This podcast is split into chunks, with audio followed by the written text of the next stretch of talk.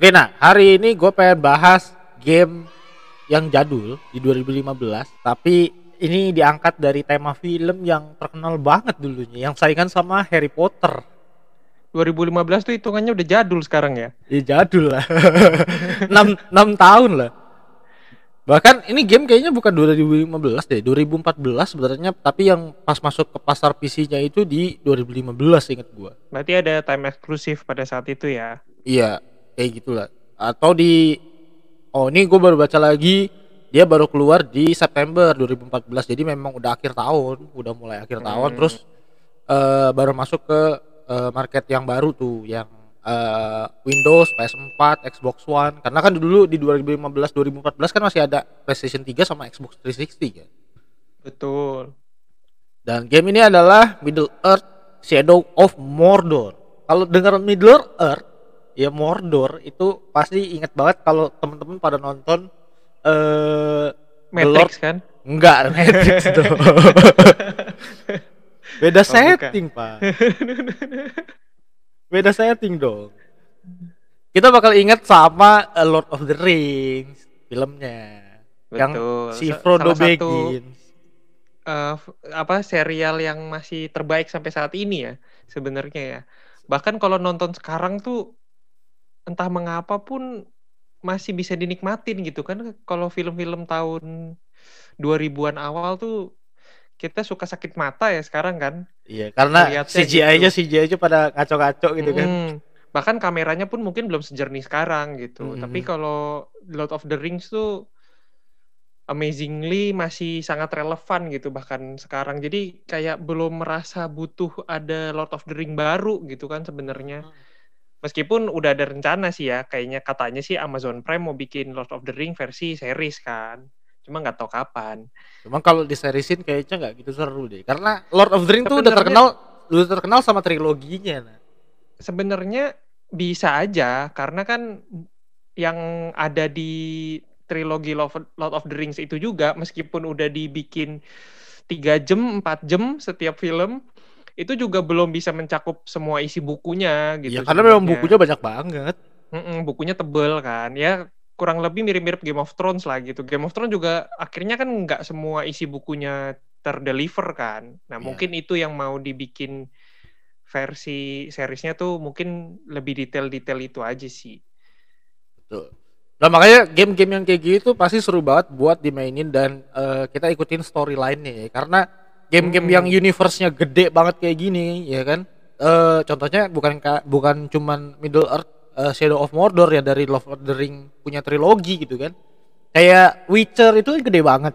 Jadi Betul. bukunya banyak masih bisa dieksplor Hmm. banyak banget lagi, masih banyak yang belum bisa dibahas ya kan.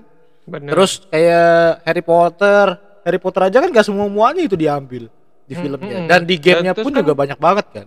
Belum se- sekarang lagi dunianya Harry Potter kan udah pindah ke ini kan yang Fantastic Beasts itu kan Ya, ke masa itu lalu juga sih masih itu. luas ya itu masih luas lagi bahkan gitu masih belum sama sekali disentuh gitu maksudnya kita masih awal-awal banget nih ngelihat dunia Fantastic Beasts ini kan Betul. Fantastic Beasts aja baru dua kan filmnya ya. baru dua Nah, sedangkan Harry Potter aja delapan. Mm-mm. Harry Potter delapan dan itu Orang udah- filmnya udah dari panjang-panjang. kecil begini. sampai gede itu ini pemainnya semua udah tua sekarang tuh Iya, Dulu main masih anak-anak ya, sekarang main udah di film lain udah jadi bapak-bapak ya kan. betul Tapi memang cantik banget sih si ini si coba Emma Watson Hermione. Yoi. Gue mau eh, mau ngomong Emma Watson tapi keingetnya tadi Emma Stone. oh, Emma Stone mah bukan dong ntar jadi ini Gwen Stacy Makanya. Oke oke, kita jangan kelenceng dari jadi ngomongin film ya. Nah jadi game yang kali ini kenapa gue pengen bahas nah karena kan ini universe-nya gede banget dan banyak orang Betul. termasuk gua juga dulu waktu pertama kali mainin game ini gue pasti nyangkut pautin sama kejadian yang ada di Lord of the Rings di Nah, triloginya gitu kan karena dari storyline-nya dan tempatnya aja Mordor kan Mordor adalah Hmm. tempat tempatnya si Sauron kan Mm-mm. Tempatnya si Sauron bersemayam gitu si mata mata mata mata iblis iya kan matanya gede banget soalnya Tapi kan kalau ngomongin Shadow of Mordor ya, sebenarnya setting waktunya kan dia di tengah-tengah sama trilogi-trilogi yang udah rilis kan. Jadi dia Betul. setelah Hobbit tapi sebelum Eh, Fellowship Eh, of the Rings. ya sebelum Fellowship of the Ring. Jadi memang sebenarnya posisi si Sauron ini belum mati gitu. Belum Betul. karena kan kalau di Fellowship of the Ring itu kan kita diceritakan Sauron tuh dalam kondisi Lemah eh, s- pertama. mati kan karena cincinnya udah diambil gitu kan. Cincinnya udah menghilang, dicuri sama apa dibawa sama manusia. Terus akhirnya dia kehilangan wujud tubuh fisiknya lah gitu. Akhirnya cuma tinggal si mata api gede itu doang gitu. Betul. Cuma kalau di sini kan sebenarnya Sauronnya tuh masih ada gitu orangnya, Masih ada orang, masih ada fisiknya. makhluknya gitu. Cuma yang aneh adalah cincinnya tuh masih ada di situ gitu. Padahal kalau kita nyambungin sama seri The Hobbit ya, cincinnya harusnya lagi ada di tangan Fro- eh, Bilbo Baggins kan sekarang ini. Iya, harusnya. Cuma kalau di Shadow of Mordor ini cincinnya kita lagi nyari cincinnya gitu. Di Mordor nyarinya.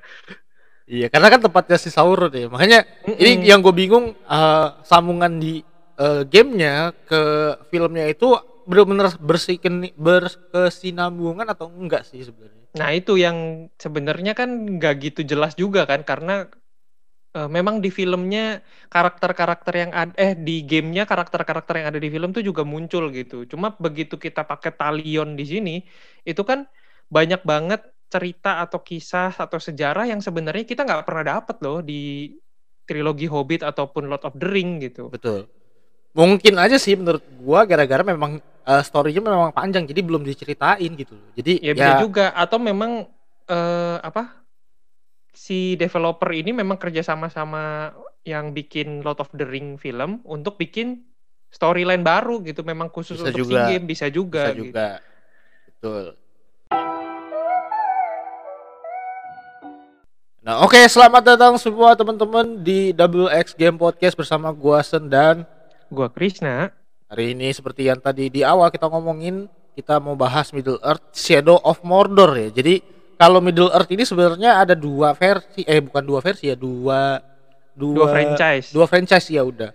Karena Shadow of Mordor sama yang paling baru Shadow of War. War Tapi ya yang Shadow of War kita tunda dulu di minggu depan jadi kita bahas yang Shadow of Mordor dulu karena inilah perjalanan pertama dari si eh, Talion nih sebagai pemeran utama di atau protagonis di Shadow of Mordor gitu.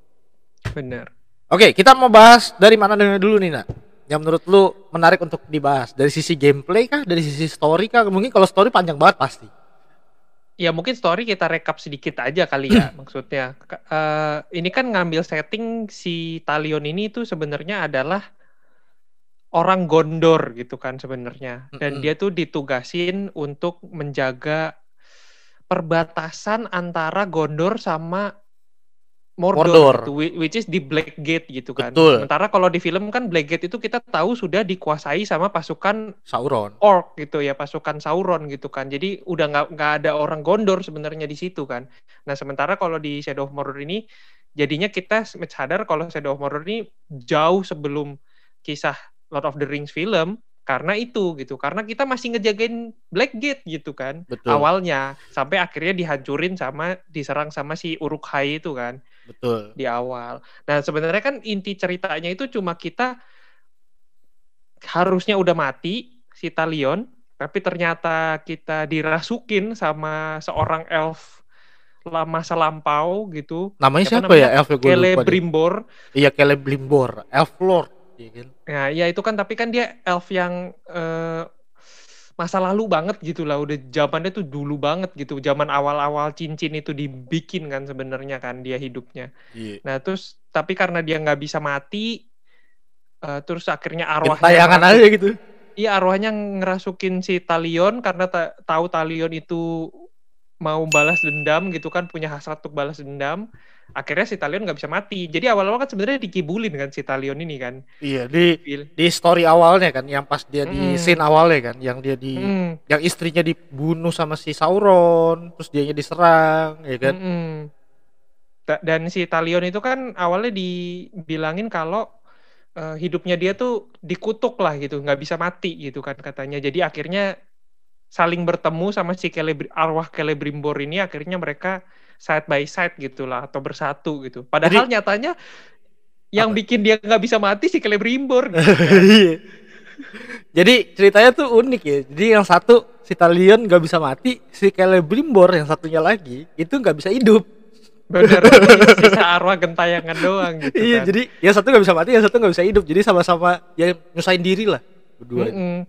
Tapi kan sebenarnya kalau berdasarkan yang gua tangkap dari ceritanya, kalau Celebrimbor cabut dari badannya Talion, Talion tuh mati-mati aja kan sebenarnya kan. Jadi memang yang harusnya. mempertahankan tubuhnya Talion tuh adalah arwahnya si elf ini gitu. Dan memang kan eh, inti ceritanya adalah kita suruh mencari si apa cincin yang entah ada di mana itu kan dengan satu demi satu mengumpulkan apa ya namanya treasure-nya punya barang-barang berharganya punya si Celebrimbor untuk sekalian ngembalin ingatan dia yang hilang gitu kan. Betul, betul. Karena kan si Talionnya setelah mati kan ya ingatannya baliknya masih sedikit-sedikit juga kan. Jadi Mm-mm. dia eh, si Celebrimbornya ini sebenarnya cuma memanfaatkan eh, masa lalunya si Talion yang punya Betul. yang punya apa dendam sama si Sauron gitu kan Mm-mm. untuk untuk dia bisa balas dendam juga ke si Sauron si Celebrimbornya juga gitu. Bener. jadi ujung-ujungnya ya saling memanfaatkan lah itu berdua. Tuh, Iya, dengan tujuan yang sama gitu ceritanya. Ya meskipun sebenarnya si Talion mah kalau Awe. gue gue di sini di sini sih yang lebih dirugikan Talion ya maksud gue karena kan sebenarnya dia juga kalau mati juga rela-rela aja ya udah gitu.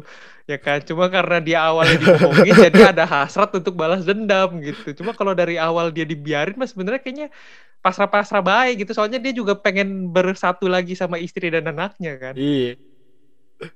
Nah, ceritanya mulai dari sana. Jadi ketika dia dia diceritakan jadi seorang ranger ya, Nay. Mm-mm. Soalnya ranger di lo- di Lord of the Ring itu udah nggak ada kayaknya. Cuman cuma ada beberapa doang dari elf.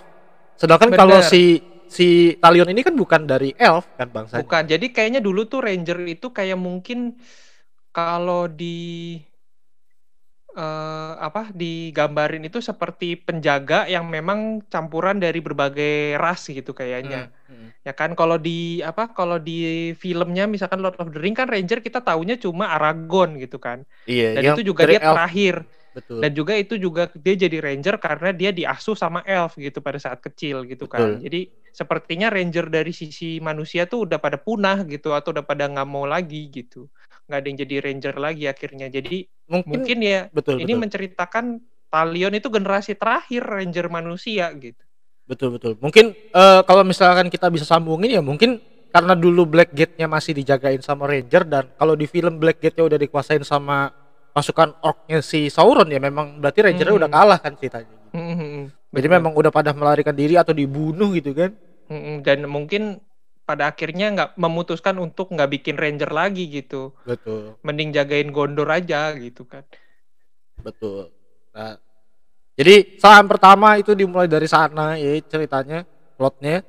Terus eh, sampai akhirnya si eh, Talion ini kapten ya, kapten di eh Si Rangernya kan. Blackgate lah gitu. di Blackgate betul terus eh garrisonnya di diserang sama Sauron dan ini yang menurut gua anehnya kalau di film dia nggak disebut Uruk pasukannya tapi di game ini disebut Uruk Di, disebut kok di film. di film Jadi- disebut Uruk ya Jadi di film itu kan gua lupa lupa awal, inget deh awal awalnya eh, memang pasukannya Sauron, pasukannya Mordor gitulah, semua disebut pasukan orc gitu. Nah, betul Uruk itu adalah pasukan yang dibi- diciptakan sama Saruman sebenarnya.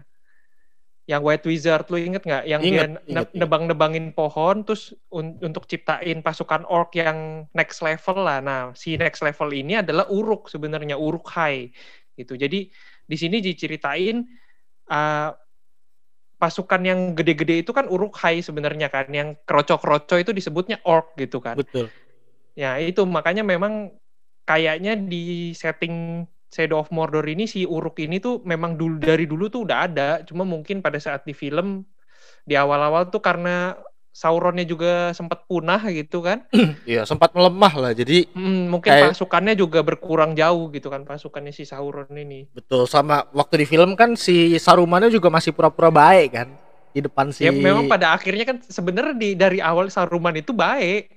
Kalau lu nonton yang trilogi The Hobbit, Saruman itu baik sebenarnya. Cuma karena dia sampai di titik yang dia tahu Sauron itu udah bangkit, baru nge. terus dia merasa kayaknya nggak mungkin deh gue ngelawan dia ini mending gue memilih s- sisi yang kemungkinan menangnya lebih besar gitu. Akhirnya dia berkhianat lah ke Sauron gitu. Pengkhianat memang si Saruman. Tapi gara-gara Saruman gua dapet dapet apa dapet satu kenangan yang paling memorable ya menurut gua di eh, Fellowship of the Ring apa tuh ya waktu si Gandalf eh, nahan naga api oh iya, you iya, iya. shall not pass Oh, itu keren banget tuh yang jatuh ke inti bumi ya Iya. terus gak mati balik-balik malah hidup jadi jadi abu-abu kan aneh iya betul malah dia yang gantiin posisinya Saruman Iya. Udah jangan ke film lagi ya, jangan ke film lagi. Karena memang ceritanya nyambung-nyambung ke film sih soalnya. Nyambung sebenarnya kalau sebenarnya kalau mengerti bisa aja disambungin tapi kalau memang nggak ngerti filmnya sebenarnya nggak ada masalah gitu Betul, karena ini cerita sebelumnya juga gitu. Mm-mm. Dan eh, di sini uniknya kita ketemu sama Gollum lagi. Nah, Gollum tuh tetep ya, mau di mana pun dan kapan pun, mau di The Hobbit, di eh, trilogi Lord of the Ring, di sini, Iya. Middle Earth gitu, tetep aja nyari cincin terus gitu. Emang udah ini dia Nggak ada udah kegiatan lain. Iya. Memang diciptain untuk nyari cincin doang sama si J.J.R. Tolkien. Mm-mm. Nah. Bahkan, nah makanya itu yang bikin gue penasaran sama franchise Lord of the Ring yang akan rilis dua tahun depan ya. Lord Hmm. of the Ring Gollum kan. Maksudnya Hmm. kita jadi Gollumnya nih, mau ngapain kita kan nyari cincin doang kerjaan dia. Ya, mungkin karena dia nyari cincin jadi ketemunya banyak. Nah, Ya, Kan jadi. si Gollum hidupnya tua banget kan itu. Bener, cuma kan kalau kita ngelihat cara Gollum beraksi gitu ya, bergerak kan dia stealth banget ya. Jadi kalau kita pakai Gollum tuh kan stealthnya yang hampir 100% gitu. Stealth orang dia gak bisa berantem. Bener sih, bener sih. Oke, eh kita lanjut deh ke story-nya deh. Kita lebih ke story-nya deh. Sebenarnya kalau di story di Shadow of Mordor ini s- dibanding eh, cari cincin, gue sih nangkepnya lebih kayak dia pengen balas dendam ke si Sauronnya. Itu yang lebih penting sih menurut gue dibandingkan dia nyari cincinnya. Walaupun memang dia harus nyari cincinnya dulu baru bisa lawan si Sauronnya Ya gitu kan kan. sekalian kan pada akhirnya kan. Iya. Cuman ujung-ujungnya ya balas dendam lagi. Kebencian Iya, niat- tidak pernah niat- habis. Yang utamanya memang balas dendam gitu kan. Selalu balas dendam tuh selalu jadi akar permasalahan suatu game gitu kan. Paling Betul. gampang tuh memang bikin balas dendam gitu. Bunuh aja gitu apa orang terdekat nanti dia punya kebencian akhirnya balas dendam. Udah gitu aja terus gitu. Iya.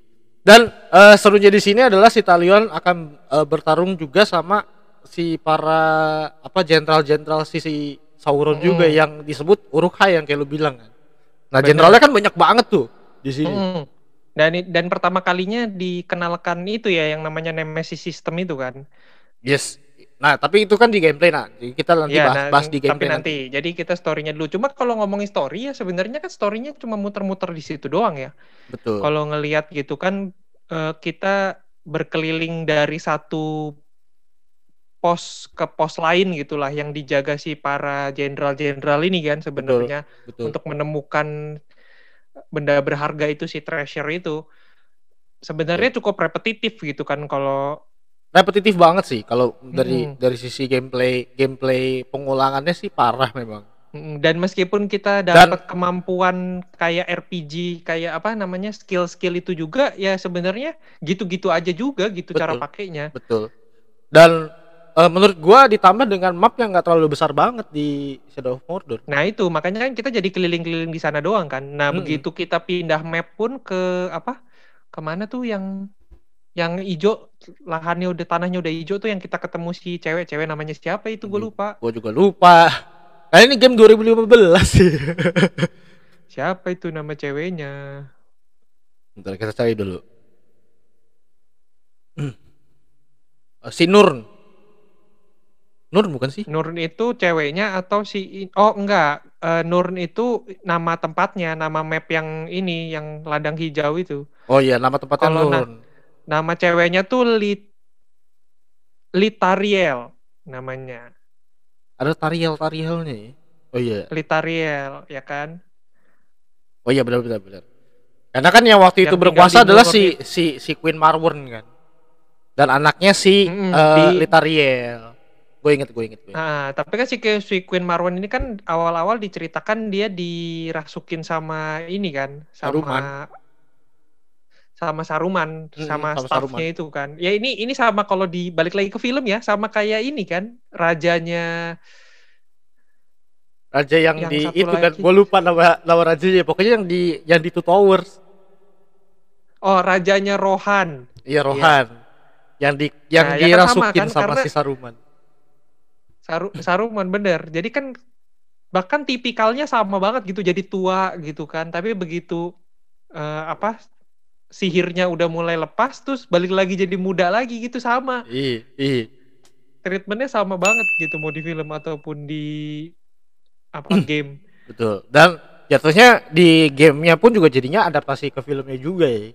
Bener. Tapi balik lagi soal ke map tadi, setelah kita ning- meninggalkan Mordor untuk pergi ke Nurn, Heeh. itu tuh eh pada akhirnya kita juga cuma main di Nurn doang gitu kan. Cuma Iya. keliling-keliling di situ aja gitu. Ya, pokoknya intinya cuma ngebantain para jenderal-jenderal si uruknya Mm-mm. aja. Paling di Nurn itu kita mulai banyak ketemu yang namanya Karagor, abis itu ada Grauk di situ yang gede-gede banget gitu. Terus Betul. ada Ghoul juga kan yang Betul. mainnya keroyokan padahal sekali tebas mati. Ya, tapi ngeribetin sih itu, Nak.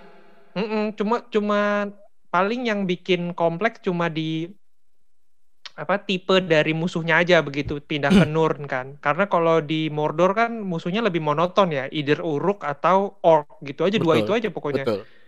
Ya karena memang ceritanya kan masih dikuasain sama Uruk dan Orc kan di Mordor itu. Oke, terus lanjut lagi ke eh si Talion ketemu sama eh, Tower of Sauron di Mhm. Nern akhirnya. Iya kan? Dan akhirnya dia battle di sana eh sama si Sauron yang masih bentuk fisik, bukan mata ya. Dia masih bentuk fisik, masih tebas-tebasan tuh.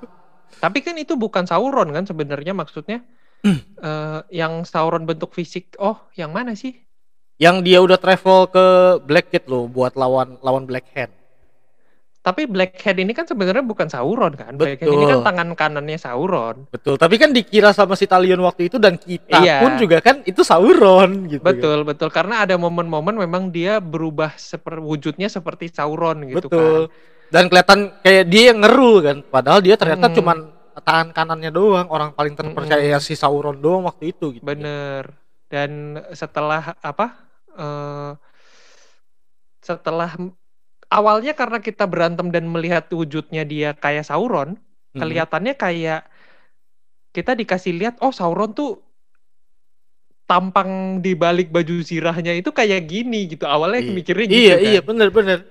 Padahal Tapi kan pasti- bukan gitu. ya pasti terakhir tuh terjelaskan kalau sebenarnya ya ini cuma tangan kanan doang kita belum ngelawan raja terakhirnya sebenarnya dan itu yang bikin berlanjut ke series yang kedua gitu Iya. Nah, makanya endingnya endingnya di sini cuman eh, dia berhasil ngebunuh si Black Hand, ya kan? Terus akhirnya dia ngerasa kalau ini eh, udah beres ya, dia udah berhasil balas dendam Mhm. sama si Sauron. Terus dia ngelepasin si Celebrimbor dari dirinya sendiri kan, pakai ritual-ritual gitu kan. betul Gitu. Dan akhirnya si Black Hand-nya yang tadi ya udah mati, akhirnya malah balik di eh, rasukin sama si Sauron gitu kan Mm-mm. dan akhirnya eh apa berantem lagi ya kan? Sampai akhirnya eh, si sta- si Talionnya itu akhirnya ke- kepisah nggak sih sama Celebrimbor? Kayaknya enggak deh. Enggak Gua lupa terakhirnya tuh enggak terakhirnya. Jadi terakhirnya itu kan si begitu udah tersadar kalau sebenarnya yang mereka kalahin itu cuma Black Hand doang dan bu- belum Sauron gitu. Si Hmm. Black eh, si Celebrimbor itu kan sempat memperingatkan kan ke si Talion. Talion. Kalau kayaknya kita nggak mungkin deh bisa ngalahin Sauron mending jangan gitu loh. Mending kita cabut atau kita berpisah di sini dan lu bisa mati dengan tenang selamanya gitu.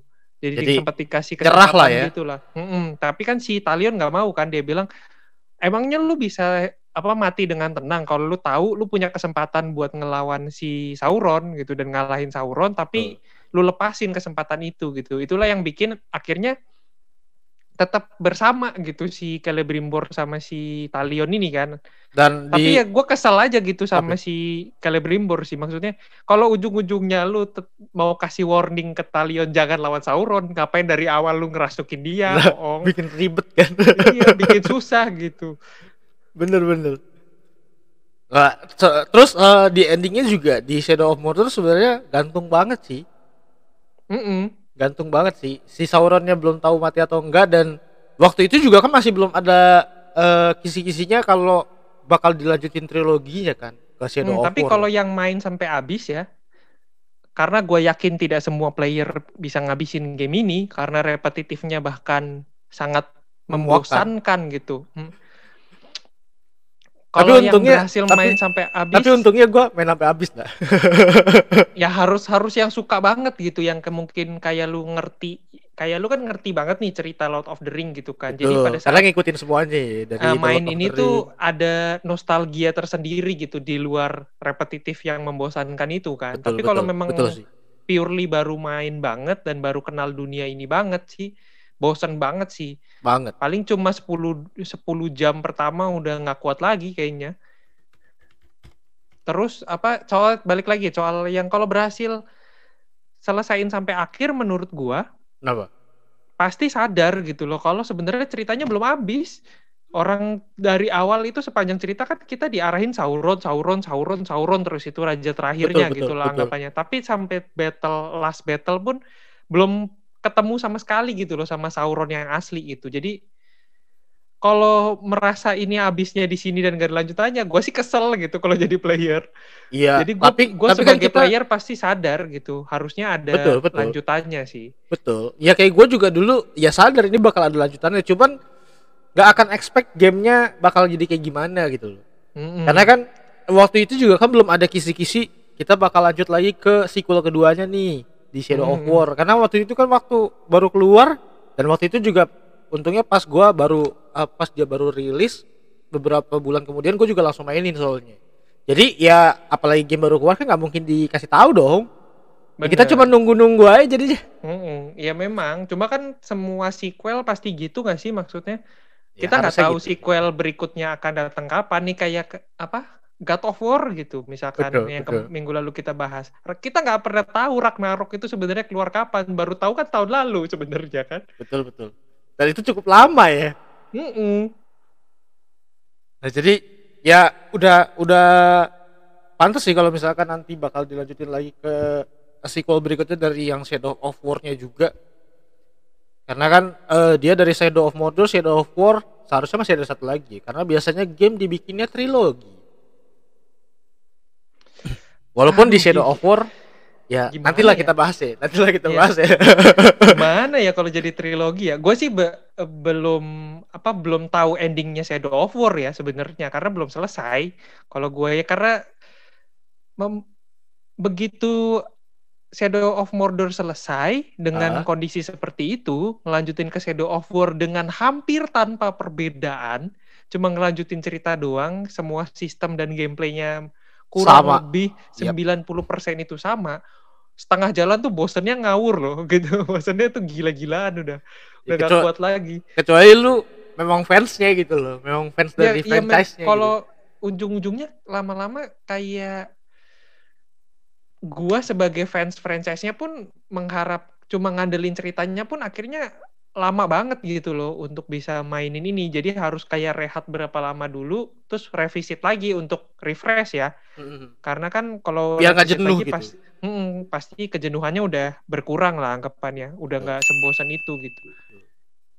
Ya, tapi menurut gua sih jatuhnya ya kayak Assassin's Creed jadul lah, yang klasik, yang Assassin's Creed 1, 2, 3 juga Yang- kan kurang ya lebih kerjanya repetitif kayak manjat-manjat gedung aja gitu kan sepanjang Betul, cerita. betul. Jadi ya dari sistem repetitifnya ya nggak heran, tapi ya orang masih bisa nikmatin gitu loh.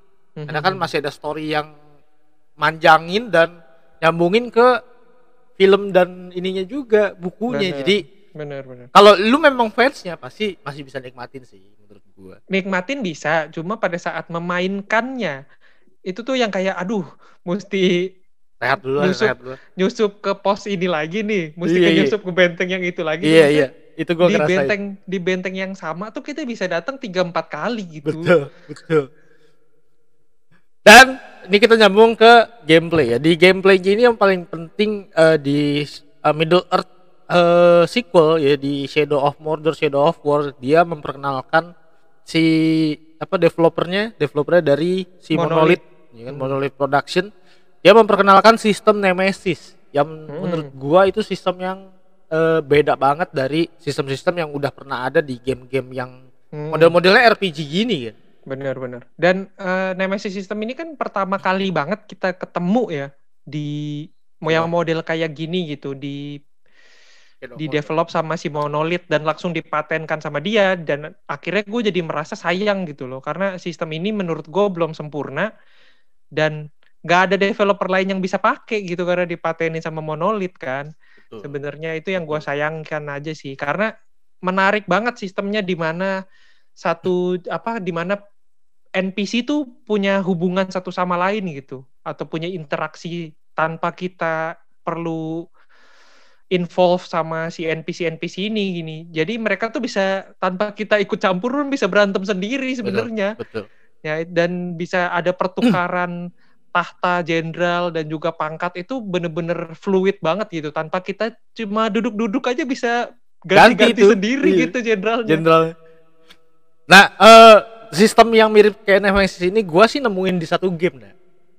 Di Assassin's Creed.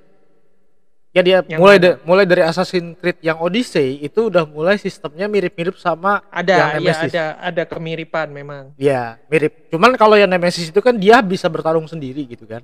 Dia bisa Hmm. bertarung sendiri sampai dia naik tahta sendiri gitu kan. Mm-mm. Tapi kalau yang di eh, Assassin's Creed Odyssey itu kan dia mulainya waktu itu kan ceritanya kita jadi merchant kan, mercenary. Nah, kita jadi Betul. mercenary, jadi pembunuh bayaran gitu kan. Nah, jadinya kan eh, ada rankingnya. Nah, rankingnya itu yang Mm. setiap kali lu naik ke ranking atas itu musuhnya beda lagi dan lu bisa aja Bener. ketemu sama musuh yang sama di ranking bawah dan dia juga udah naik ke atas. Nah, itu menurut gua Mhm. sih sistemnya mirip sama Nemesis ya. Mm, ya, jadi kayak apa? eh, kemampuan NPC itu mengikuti kenaikan level kita kan. Jadi Betul, maksudnya kan. Betul. Cuma kan kalau itu versi mungkin gimana ya? Versi simpelnya lah gitu kan. Jadi kalau Nemesis ini kan kalau kita lihat lebih dalam lagi sebenarnya kompleks banget kan. Kompleks banget betul. Karena selain mereka bisa berantem satu sama lain tuh mereka bahkan si mungkin kapten-kapten yang level bawah tuh bisa mengumpulkan Prajurit dukungan sendiri gitu ya jadi untuk tiba-tiba nyerang si jenderal yang dia nggak suka gitu kan Iya. atau tiba-tiba dia bersekutu sama sa- kapten yang lain gitu bisa sampai kayak gitu gitu betul. yang Dan bener-bener dan itu gimana bikinnya gitu. betul. Dan itu kelihatan di eh, in gameplaynya gitu. Kalau di Mm-mm. kalau di Assassin's Creed yang Odyssey itu kan mulai kayak gitu mirip-mirip sama Nemesis, tapi kan dia nggak kelihatan kalau misalkan mereka bertarung juga untuk naikin levelnya mereka juga. bener Cuman ya, tahu-tahu jadi- naik aja gitu kan. iya Kalau di sini kan kita kelihatan. bi- bisa tiba-tiba misalkan lagi mampir ke kastil atau benteng mana gitu ngelihat ada yang lagi berantem gitu di bawah Iya. Kita bisa serang, bisa habisin dua-duanya atau kita cuma nontonin Mm-mm. doang kita gitu. bisa ganggu gitu kan Iya. mereka lagi asik-asik berantem berdebat kita bisa ganggu Iya. Nah, itu yang menurut gua sistemnya eh keren banget cuman ya mm, balik lagi yang kayak lu bilang memang sayang banget kalau misalkan ini dipatenin sama si Monolith ya nggak bisa diadaptasi ke game lain ya. Mm-mm. akhirnya ya kita cuma bisa berharap sistem ini muncul dari monolit aja gitu Mm-mm. Dan satu kesamaan di gameplaynya lagi, ini mirip banget sih menurut gua sama Assassin's Creed banget. iya ya. iya bener bener. Mulai Level dari soulnya mirip banget ya. Betul. Dari sistem dari sistem eh apa eh parkurnya betul. Itu di di Assassin's Creed kita bisa naik naik tembok bangunan tinggi. Kalau di sini kita bisa naik naik tower ya. Bener naik-naik bebatuan gitu kan. Dan eh, yang menurut gua unik juga dia bisa ngumpet jadi hantu. Dia bisa berubah wujud jadi si Celebrimbor di waktu dia ngumpet gitu kan. Nah itu bener-bener keren banget sih. Jadi jadi ada manfaatnya lah gitu kan kenapa Celebrimbor tuh ada di situ. Jadi cuma bukan bukan cuma jadi guidance aja gitu loh Iya. cuma bukan gak cuma ngikutin nyusahin fungsinya. doang gitu. Nggak cuma ngasih bisikan-bisikan di saat di momen-momen tertentu aja gitu tapi ada manfaatnya lah. Iya Dan uh, kalau dari sistem battle-nya sih menurut gua ya cukup oke. Okay. Gua sih nggak ada masalah ya dengan sistem battle-nya. Cuman ya sistem sistem missionnya aja yang terlalu repetitif menurut gua ya jadinya benar-benar ngebosenin banget sih. Hmm, hmm. Dan ini ya apa repetitifnya tuh yang mungkin yang membosankan bukan repetitif sekedar repetitif doang gitu karena kan sebenarnya seperti yang lu bilang tadi Assassin's Creed juga repetitif gitu tapi repetitifnya Assassin's Creed kita tuh selalu pindah pindah-pindah lokasi gitu loh. Betul. Mis missionnya tuh ada di menyebar di banyak lokasi. Tapi kan kalau di Shadow of Mordor ini misinya tuh di situ-situ doang sebenarnya. Dan Jadi kita kecil banget gitu. Mm -mm, abis kita ngebebasin uh, tawanan di satu benteng atau satu pos gitu, nanti kita habis cabut berapa lama, nanti kita suruh ke benteng itu lagi untuk ngelakuin misi lain gitu. Jadi sebenarnya kalau bisa bisa lu bilang eh bisa gue bilang ya, ini game sebenarnya kalau lu nggak mau tamatin bisa aja. Bisa, lu bisa. Muter aja terus tuh karena musuhnya bakal lanjut terus dan uruknya bakal terus terus tambah lagi, ganti lagi. Hmm. Lu abisin kepalanya dan lu uh, muter-muter lagi lu lihat lagi nanti balik lagi udah ada kepala yang barunya lagi jadi bener kalau lu mau cuman main-main doang gitu nggak mau ngelarin keliling-keliling aja gitu kan. iya nggak mau kelarin storynya ya bisa aja lu muter-muter ngelup aja gitu terus gitu kan bisa dan apa namanya buat tipe player yang biasanya suka grinding di awal sampai level tinggi untuk bisa ngebacokin musuh satu kali tebas mati nggak hmm. berlaku nih di game ini karena iya. musuhnya ikutan naik level juga sama kita gitu. iya betul Terus dari uh, sisi gameplay apa lagi yang bisa kita bahas? Dari battle, battlenya benar-benar hack and slash banget sih menurut gua. Hmm. Oh ini paling uh, sistem yang kita bisa membuat si para orc ini jadi bawahannya kita. Oh, Menurut iya, gue itu menarik betul, sih. Betul, betul. Di mana kemampuan itu kan memang datang dari Celebrimbor kan, bukan dari kita gitu. Sebenarnya bukan dari Talion dari sononya gitu. Memang hmm. kemampuan Celebrimbor yang bisa seperti menghipnotis gitu kan para pasukan Uruk dan Orc ini untuk akhirnya jadi ke sisinya kita gitu. Mm-hmm. Dan itu tuh kalau lu mau ngumpulin sebanyak-banyaknya bisa banget gitu sebenarnya. Dan terus uh, dari tampilan dari tampilan gameplaynya juga dia bawa dua pedang nah dan itu ngingetin gue sama The Witcher. Oh iya iya kalau dua pedang meskipun satunya pendek ya. Iya. Kalau satunya sebenarnya bukan pedang ya, bisa disebut dagger. iya. Meskipun itu pedang tapi patah aja gitu iya. kan. Jadi kayak dagger, tapi gede gagangnya. Ya enggak memang pedang soalnya. ya memang pedang, cuma patah. Ya, jadi kan memang kelihatannya dua pedang ya. Jadi eh apa dari tampilannya si Talion sendiri sih gue suka banget, nak. Hmm, ini menggambarkan bener-bener Lord of the Ring banget nih ininya maksudnya desain tampilannya dia. Ya? Hmm, bener-bener. Dari uh, rambutnya yang jadul-jadul banget gitu kan, terus, terus uh, jubah. jubahnya. Nah, iya. itu jubahnya. Dan terus apa namanya belt yang nyilangnya itu juga betul. itu juga kan ukiran-ukirannya tuh ukiran-ukiran Lord of the Ring banget tuh. Betul. Dan uh, ngasih lihat juga kalau dia tuh memang ranger gitu loh, bukan bukan warrior. Kelihatan kan? Mm -hmm. Kalau warrior kan ya bajunya beda Baju zirah gitu, gitu kan. Kalau warrior tuh bajunya zirah yang berat gitu. Kalau ini kan tipenya ranger yang stealth yang siap untuk lebih agile lah gitu, lebih Betul. mengedepankan kecepatan gitu kan. Betul. Itu sih kerennya sih dari sisi gameplaynya. Mm -hmm. Dan terus ini ya, apa yang kita bisa menghipnotis itu juga tidak cuma berlaku ke pasukan orc dan uruk doang, tapi kita bisa nunggangin karagor juga. Bahkan kalau mau juga sebenarnya nggak bisa kayaknya ya. Grauk tuh nggak bisa kan ya? Nggak bisa. Karagor dong. Grauk juga kegedean kayaknya buat dikendarain sih.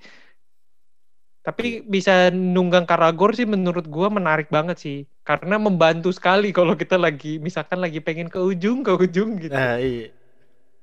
Soalnya kalau misalkan game-game RPG yang open world kayak gini, kalau lu pakai fast travelnya sedikit sayang ya kan. Mm -mm, lu nggak bisa explore tapi kalo, sekitar gitu. Kalau lu jalan maksudnya tapi kalau lu cuma sekedar lari-lari di jalan tuh suka banyak distraksi tuh di tengah jalan iya. tuh. Jadi pakai Karagor tuh membantu sekali untuk menghilangkan distraksi itu kan sebenarnya. Iya. Itu salah satu sistem yang menurut gua dipikirkan sama si Monolith juga lah. Hmm, soalnya kan lah. betul. Soalnya kan kayak kayak kita lihat Horizon Zero Dawn dia bisa ngambil ininya juga kan robotnya hmm. jadi kendaraan gitu atau di Assassin's Creed yang kita bisa pakai kuda ya kan dan sistem Bener. kuda kan udah dikenalin di Assassin's Creed awal-awal juga kan Bener bener. Gitu. Jadi pokoknya memang selalu ada alternatif-alternatif di tengah game lah yang bisa kita pakai untuk mempercepat betul eh, Ada perjalanan lah gitu. ada mode-nya Bener. oke itu dari dari sisi gameplay ada tambahan lagi nggak menurut lu dari sisi gameplay yang menurut Gameplay yang menurut gua memang nggak ada perbedaan di Shadow of War ya Ya Shadow of War kita bahas nanti berikutnya aja gitu kan kita fokus di sini. Tapi kalau mem ngomongin soal battle-nya ya, eh, menurut gua battle-nya ini mirip banget sama battle-nya Batman Arkham. Yap, yap. Cara dia battle dan cara dia parry, cara menghindar tuh mirip banget sama di Batman Arkham gitu. Jadinya asik gitu, fluid kita bisa lawan musuh banyak sekaligus tanpa eh, pusing gitu ya perlu banyak tombol yang kita pencet gitu karena tombolnya sebenarnya itu itu doang kan Mhm. dan kita cuma butuh timing gitu sebenarnya dan itu tuh eh, menurut gue battle system yang pa- kayak gini tuh udah paling pas gitu zaman sekarang. Karena diadaptasi juga sama Marvel Spider-Man gitu kan. Betul. Jadi banyak eh, kalau Assassin's Creed kayaknya battle-nya dia beda sendiri. Eh, agak beda sama ini. Tapi kurang lebih sih mirip-mirip ya sebenarnya ya. Cuma jadi dengan battle kayak gini tuh jadi lebih masuk akal aja sih mainnya menurut gua. Dibandingin kita yang barbarik gitu. Betul betul. Ya walaupun di di game ini juga kita bisa barbarik atau bisa stealth juga. Bisa bisa. Iya tapi kalau stealth sih capek banget loh di sini. Yes ya itu yang gue rasakan. Nah waktu awal-awal nih masuk ke base yang pertama nih mainnya Pengen stealth, stealth, kan? nggak mainnya stealth. Stealth banget tuh berhasil. Terus tapi setelah lama banget kan? Lama banget tapi waktu waktu nge-stealthnya itu kan kita enjoy kan? Enjoy. iya benar benar benar. Terus udah udah kelar nih base yang pertama nih kita hancurin nih misalkan kita stealth terus kita muter-muter udah lama. Terus beberapa minggu kemudian nih gue disuruh balik ke base itu lagi. Mau stealth lagi males pak. Udah gue Iya, kayak kayak kemarin gue udah stealth di sini males banget gitu. Iya udah barbar aja lah udah hajar aja langsung. Iya itu akhirnya karena repetitif itu lama-lama kita di lokasi yang sama tuh udah nggak pengen lagi gitu sebenarnya. Jadi ya bu yang cepet kelar aja lah gitu. iya iya gitu karena cuman buat dapetin XP dan supaya dia bisa naik level buat unlock Mm, uh, abilities baru kan Bener-bener. Jadi cuma gitu doang ya. Dari sistem eh, itu dari gameplay, dari story, dari grafik menurut lu grafik di 2015 relevankah masih dimainkan untuk saat ini? Kalau ngomong relevan, as menurut gua ya, kalau ngomongin grafik ini sebenarnya subjektif banget gitu. Hmm. Karena eh, gua tipe yang nggak perlu grafik heavy. Kalau ada grafik heavy gua sangat senang gitu sebenarnya grafik-grafik yang zaman sekarang kayak eh, apa ya Miles Morales gitu kan Hmm. atau Final Fantasy 7 remake gitu grafik-grafik kayak gitu tuh ya seneng aja liatnya cuma gua nggak masalah main game-game grafik jadul yang masih game apa yang jadul yang masih main apa Skyrim pun gue masih bisa sangat menerima gitu loh grafiknya. Jadi gue memang bukan yang tipe orang yang klengki-klengki gitu padahal. Mm, yang bukan tipe orang yang terganggu dengan grafik kecuali pixelated banget ya. Yang itu kan ya kalau ini kan nggak nggak pixelated tuh. terlalu jadul gitu. Dan yang gue sih yang penting adalah proporsi orangnya. Karena gue nggak suka yang tipe-tipe Cebol. karakter terlalu Chibi. terlalu cibi gitu terlalu cebol bener. Gue nggak suka gitu sebenarnya. Tapi yang penting proporsi orangnya pas. Ya makanya itu juga kenapa gue masih bisa menikmati Skyrim kan. Betul. karena meskipun kamera angle-nya agak jauh tapi orangnya ya proporsinya pas gitu loh sama rumahnya sama segala macamnya gitu. Gue lebih ke sana sih daripada grafik yang gimana. Jadi ya menurut gue Shadow of Mordor masih bisa-bisa aja gitu. Asal mata lu bukan orang yang selalu mencari grafik-grafik terupdate gitu sih. Betul. Dan kalau dari sisi gua sih ya kalau misalkan di lu lihat kita flashback dulu lu lihat dari 2014 2015 ya grafik segini sih udah oke banget ya. Contohnya waktu gue mainin di tahun itu pun juga gue masih merasakan nih grafik keren keren keren aja gitu loh. nggak ada permasalahan dan gue tidak menemukan bug-bug yang terlalu eh, ngeganggu di gameplaynya ya. Jadi yang kita lompat-lompat terus kita eh, parkour di gedung-gedung atau di eh, tower-tower tuh nggak terlalu nggak terlalu bikin ribet gitu loh kan terkadang Hmm. game-game yang kayak gitu kan ngebugnya kan ada yang lumayan parah kan udah lagi lu benar. nanjat lu jatuh tiba-tiba nyemplungnya sampai bawah tanah tuh nggak tahu ke mana bener bener kalau nggak jatuh tuh lu nggak kelar kelar jatuhnya iya kan? iya kayak gitu nah kalau di sini sih nggak gua nggak ngerasain itu sih jadi Hmm, masih bener. masih masih keren banget menurut gua di 2014 2015 kemarin terus dia punya uh, side effect side effect yang eh minor tapi menurut gua itu diperhatikan juga sama si monolith jadi kayak Hmm, darah-darah bener, yang muncrat ya kan bener pas lu jatuh dari ketinggian lu mati tetep Mm-mm. karena Kecuali ini itu- kan gore banget kan sebenarnya kan kita Betul. ne- satu kali tebas tuh kepala bisa copot gitu kan Betul. atau eh, badan tuh bisa bolong gitu gitulah pokoknya pokoknya ini Betul. gore banget dan darahnya juga nggak lebay menurut gue pas tapi ya dibikin dengan sangat baik sih menurut gua Betul. dan juga kayak efek-efek pada saat kita mau panah kita kan agak semi-semi berubah jadi elf ya pada saat manah kan Mm-mm. terus juga pada saat kita mau yang hipnotis tadi gitu itu tuh cahaya-cahaya birunya tuh menurut gue juga cukup dibikin dengan baik gitu. Iya, cukup bagus lah untuk Mm-mm. game di tahun itu ya Mm-mm. dan kalau balik lagi kalau ke sekarang lu mainin game ini ya menurut gua masih seru-seru aja masih masih seru banget gitu. dan Selama grafiknya ya lu masih sangat-sangat bisa diterima oleh mata gua sih kalau gua ya. Mm, ya selama lu nggak bandingin sama game-game terbaru yang mungkin eh, pergerakannya lebih fluid gitu, lebih fluent gitu kan. Tapi di tahun Karena ini memang tapi di tahun ini termasuk salah- termasuk game yang dengan gerakan yang fluid loh.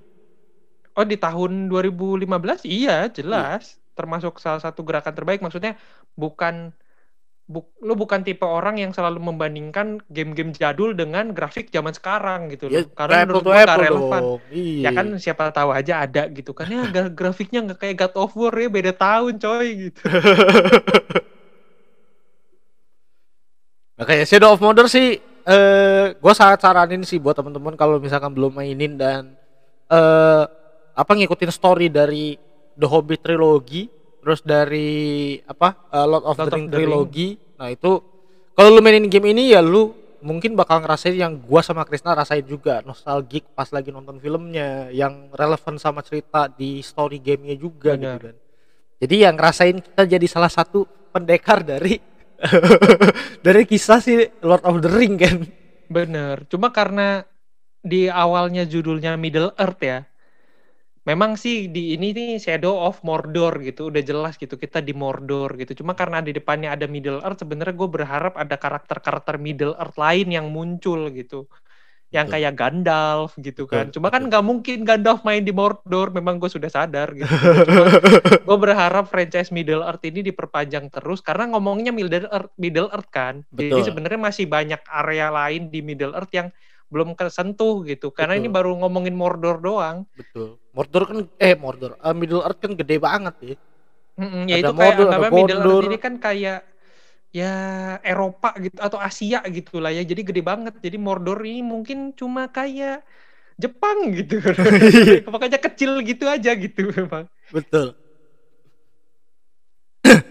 Oke sih menurut gua yang bisa kita bahas dari game ini sih ya eh, dari semua sisi ya itu aja sih nak di hari Hmm. ini. Karena gamenya berlanjut di franchise berikutnya di Shadow of Mordor ya which is kita bakal ngomongin di minggu depan. Ya kan semoga teman-teman juga eh, tertarik untuk dengerin dan eh, mainin juga gamenya. Gamenya seru kok seru. Walaupun repetitifnya ya lu tahan-tahan aja lah ya. Mhm. Cuma repetitif doang. Kalau lu suka sama Assassin's Creed yang repetitifnya juga kayak gitu ya, menurut gua lu mainin game ini ya santai-santai aja. ya benar benar Repetitifnya sebenarnya- sama-sama juga tipenya. Eh, kalau lu menikmati The Witcher, harusnya gameplaynya lu nggak akan ada masalah sebenarnya. Betul. Cuma jangan berharap lu dapat mission kayak The Witcher aja gitu. Iya, karena The Witcher itu sangat-sangat eh, Kompleks missionnya kompleks kan. banget Ya, missionnya. kalau ini lebih simplify gitu, missionnya ya itu itu aja gitu, cuma ganti Betul. judul aja kan sebenarnya. betul. Dan eh, sebelum kita tutup, nah ada satu poin yang pengen gue bahas ya. Dan menurut gue ini cukup menarik dari si eh, pengembangan development dari Middle Earth Shadow of Mordor. Karena waktu itu kan dia muncul di tahun antara PS3 akhir dan PS4 masih pertengahan. Belum Hmm. awal-awal banget lah. Cuman Hmm. udah mulai masuk ke fase pertengahan PS4 gitu kan. Jadi gamenya pun juga kan ya udah pasti di develop di dua platform tuh di PS4 dan Hmm. PS3 yang waktu itu disebutnya eh ne- eh current gen sama last gen gitu kan. Hmm. Nah, di sini adalah eh up menariknya dari si Monolith eh, Production dia menyerahkan eh, developmentnya yang untuk PC, PlayStation 4 sama Xbox One itu mereka develop sendiri. Tapi untuk yang di PS3 sama Xbox 360 itu mereka ngasih campur tangan developer lain yaitu Behavior Interactive itu menurut gua sih Oh, gue baru tahu nih. Nah itu nah. Jadi untuk yang di PS3 dan PS4 walaupun tetap masih di develop sama si Monolith, tapi dia nggak terlalu fokus untuk di grafik sana, dia lebih fokus di Oh, grafik current gen-nya. Jadi untuk yang PS3 dan Xbox 360 waktu itu tuh diurusinnya sama Behavior Interactive. oh jadi eh, apa? Mereka fokus dengan grafik yang mereka buat. Jadi mereka bikin satu game utuh untuk PlayStation 4 dan juga PC gitu kan. Dan untuk versi downscalingnya itu mereka hire developer lain gitu anggapannya ya. Untuk Yep. di downscale ke Betul. PS3 dan Xbox 360 eh Betul. 360 ya kan. Betul. Jadi ya Menarik juga strateginya ya. nah, strateginya pinter kan. Jadi Monolith bisa bisa fokus gitu loh dia. Fokus, eh, jadi nggak usah ini. Nah, harusnya si DPR begini. Nah ini makanya jarang banget, jarang banget kan studio game yang mau menyerahkan last gen-nya untuk diurusin sama Mhm. developer lain gitu. Jangan kan ngomongin ngasih last gen ya, ngasih file developmentnya dia ke developer lain aja belum tentu mau gitu kan. Betul, betul. Makanya eh, ini salah satu poin menarik yang menurut gua perlu dibahas sih. Dan behavior behavior eh, interaktifnya sendiri itu eh, itu juga eh, dibilang publisher atau developer lah baru juga enggak karena dia juga developer lama untuk PS untuk PS1 gitu nah. Game-gamenya yang Hmm, tapi mereka memang biasanya kerjasama dengan publisher-publisher besar kayak Konami, Sony, Sony Entertainment, Ubisoft, THQ. THQ aja masih ada loh dulu. Iya Oh, kan? Itu ada ya. masih ada Buena Vista. Iya kan? Oh, oh Jadi- behavior interaktif ini bikin banyak game ternyata ya. Banyak banyak. Dan eh, untuk dan dulu namanya tapi bukan behavior interaktif. Jadi eh, sering banget ganti nama dari Megaton, Artificial Mind and Movement sampai akhirnya di 2011 tuh ganti jadi behavior eh, interaktif. Oh dan franchise dia yang cukup besar tuh Dead by Daylight Betul. masih ada sampai sekarang tuh. Betul. Dead by Daylight kan. Dan masih banyak banget orang mainin. Ya walaupun Betul. matchmakingnya sedikit lama ya. Karena itu Iya iya. karena itu empat lawan satu yang biasanya jadi Hmm. jadi jadi ininya susah tuh yang jadi Benar benar. yang jadi apa yang jadi setan apa monster gitu nah itu sedikit susah Cuma. Dead by Daylight masih rutin terus mengeluarkan game gitu kan. Jadi setiap ya 2 3 tahun sekali pasti ada versi baru gitu. betul dan update update nya juga masih jalan terus Hmm. Ya, berarti memang masih aktif ya developer ini ya. betul nah itu sih yang menurut gua poin terakhir yang menarik untuk kita bahas ya yang dia Monolith Production walaupun tetap nama besarnya di Monolith Production tapi dia kerjasama juga dengan uh, developer lain untuk nge-outsource uh, development di PS3 dan Xbox 360 waktu itu. Nah, ya itu mungkin bisa jadi solusi ya untuk eh, developer-developer yang mau yang sekarang mau fokus bikin game untuk PS5 eh, gitu. current gen gitu, PlayStation 5 atau Xbox Series X gitu kan. Jadi fokus aja di current gen yang sekarang yang PS5 dan teman-temannya itu. Betul, di last gen Terus kasih yang kalau- lain. Kalau memang lu berkepikiran untuk mau keluarin juga di last gen, lu hire aja developer lain gitu Hmm. untuk downscale downscaling buat lu gitu. Jadi lu nggak usah bikin dua versi. Betul. gitu. Kerjanya nggak terlalu berat, ya kan? Mm-mm. Biayanya juga nggak gede-gede amat gitu kan? Karena lu tinggal hire doang gitu. Nggak membebani jam kerja dari karyawan lu juga gitu Betul. kan nggak nggak juga terbebani dengan kualitasnya harus sama gitu karena kan memang dikerjakan 100% sama developer lain gitu kan jadi Betul. memang harusnya kualitasnya pun ya terjamin jalan gitu harusnya daripada lu ngerjain dua hal sekaligus gitu yang akhirnya satu jalan satunya bapuk gitu Iya. Contohnya ya itulah ya kita tahu lah. ya, ya clue-nya CDPR gitu Oke, berarti sampai di sini dulu aja teman-teman pembahasan kita di Middle Earth Shadow of Mordor di minggu ini dan semoga teman-teman suka sama pembahasan kita hari ini dan ini sekali lagi pembahasan kita hanya hanyalah eh, pendapat kita pribadi ya. Gua sama Krisna pribadi. Jadi kalau teman-teman punya pendapat lain silahkan tulis di kolom komentar atau di inbox kita ke eh, apa Monosen eh, gaming. Gua sampai lupa sendiri itu nama Instagram gua nah, gara-gara ngomongin ngomongin banyak hal ya. Dan eh kita ketemu lagi di podcast berikutnya. Jangan lupa buat teman-teman kalau misalkan mau mampir ke tempat Krisna masih bisa mampir di eh Muhistok Podcast yang bahas soal eh, bukan game ya, film-film atau bukan, series yang ada di Asia. So, sampai di situ dulu aja. Thank you banget sekali lagi. Jangan lupa juga di like, share, dan subscribe. Lo juga diklik tombol notifikasinya biar dapat update kalau misalkan kita baru upload podcast terbaru setiap minggunya. Dan eh, gua pamit undur diri. Gua Sen pamit undur diri. Nah, sampai salah ngomong. Gua Krisna pamit undur diri. Dan kita ketemu lagi di podcast berikutnya. See you guys and bye-bye. Bye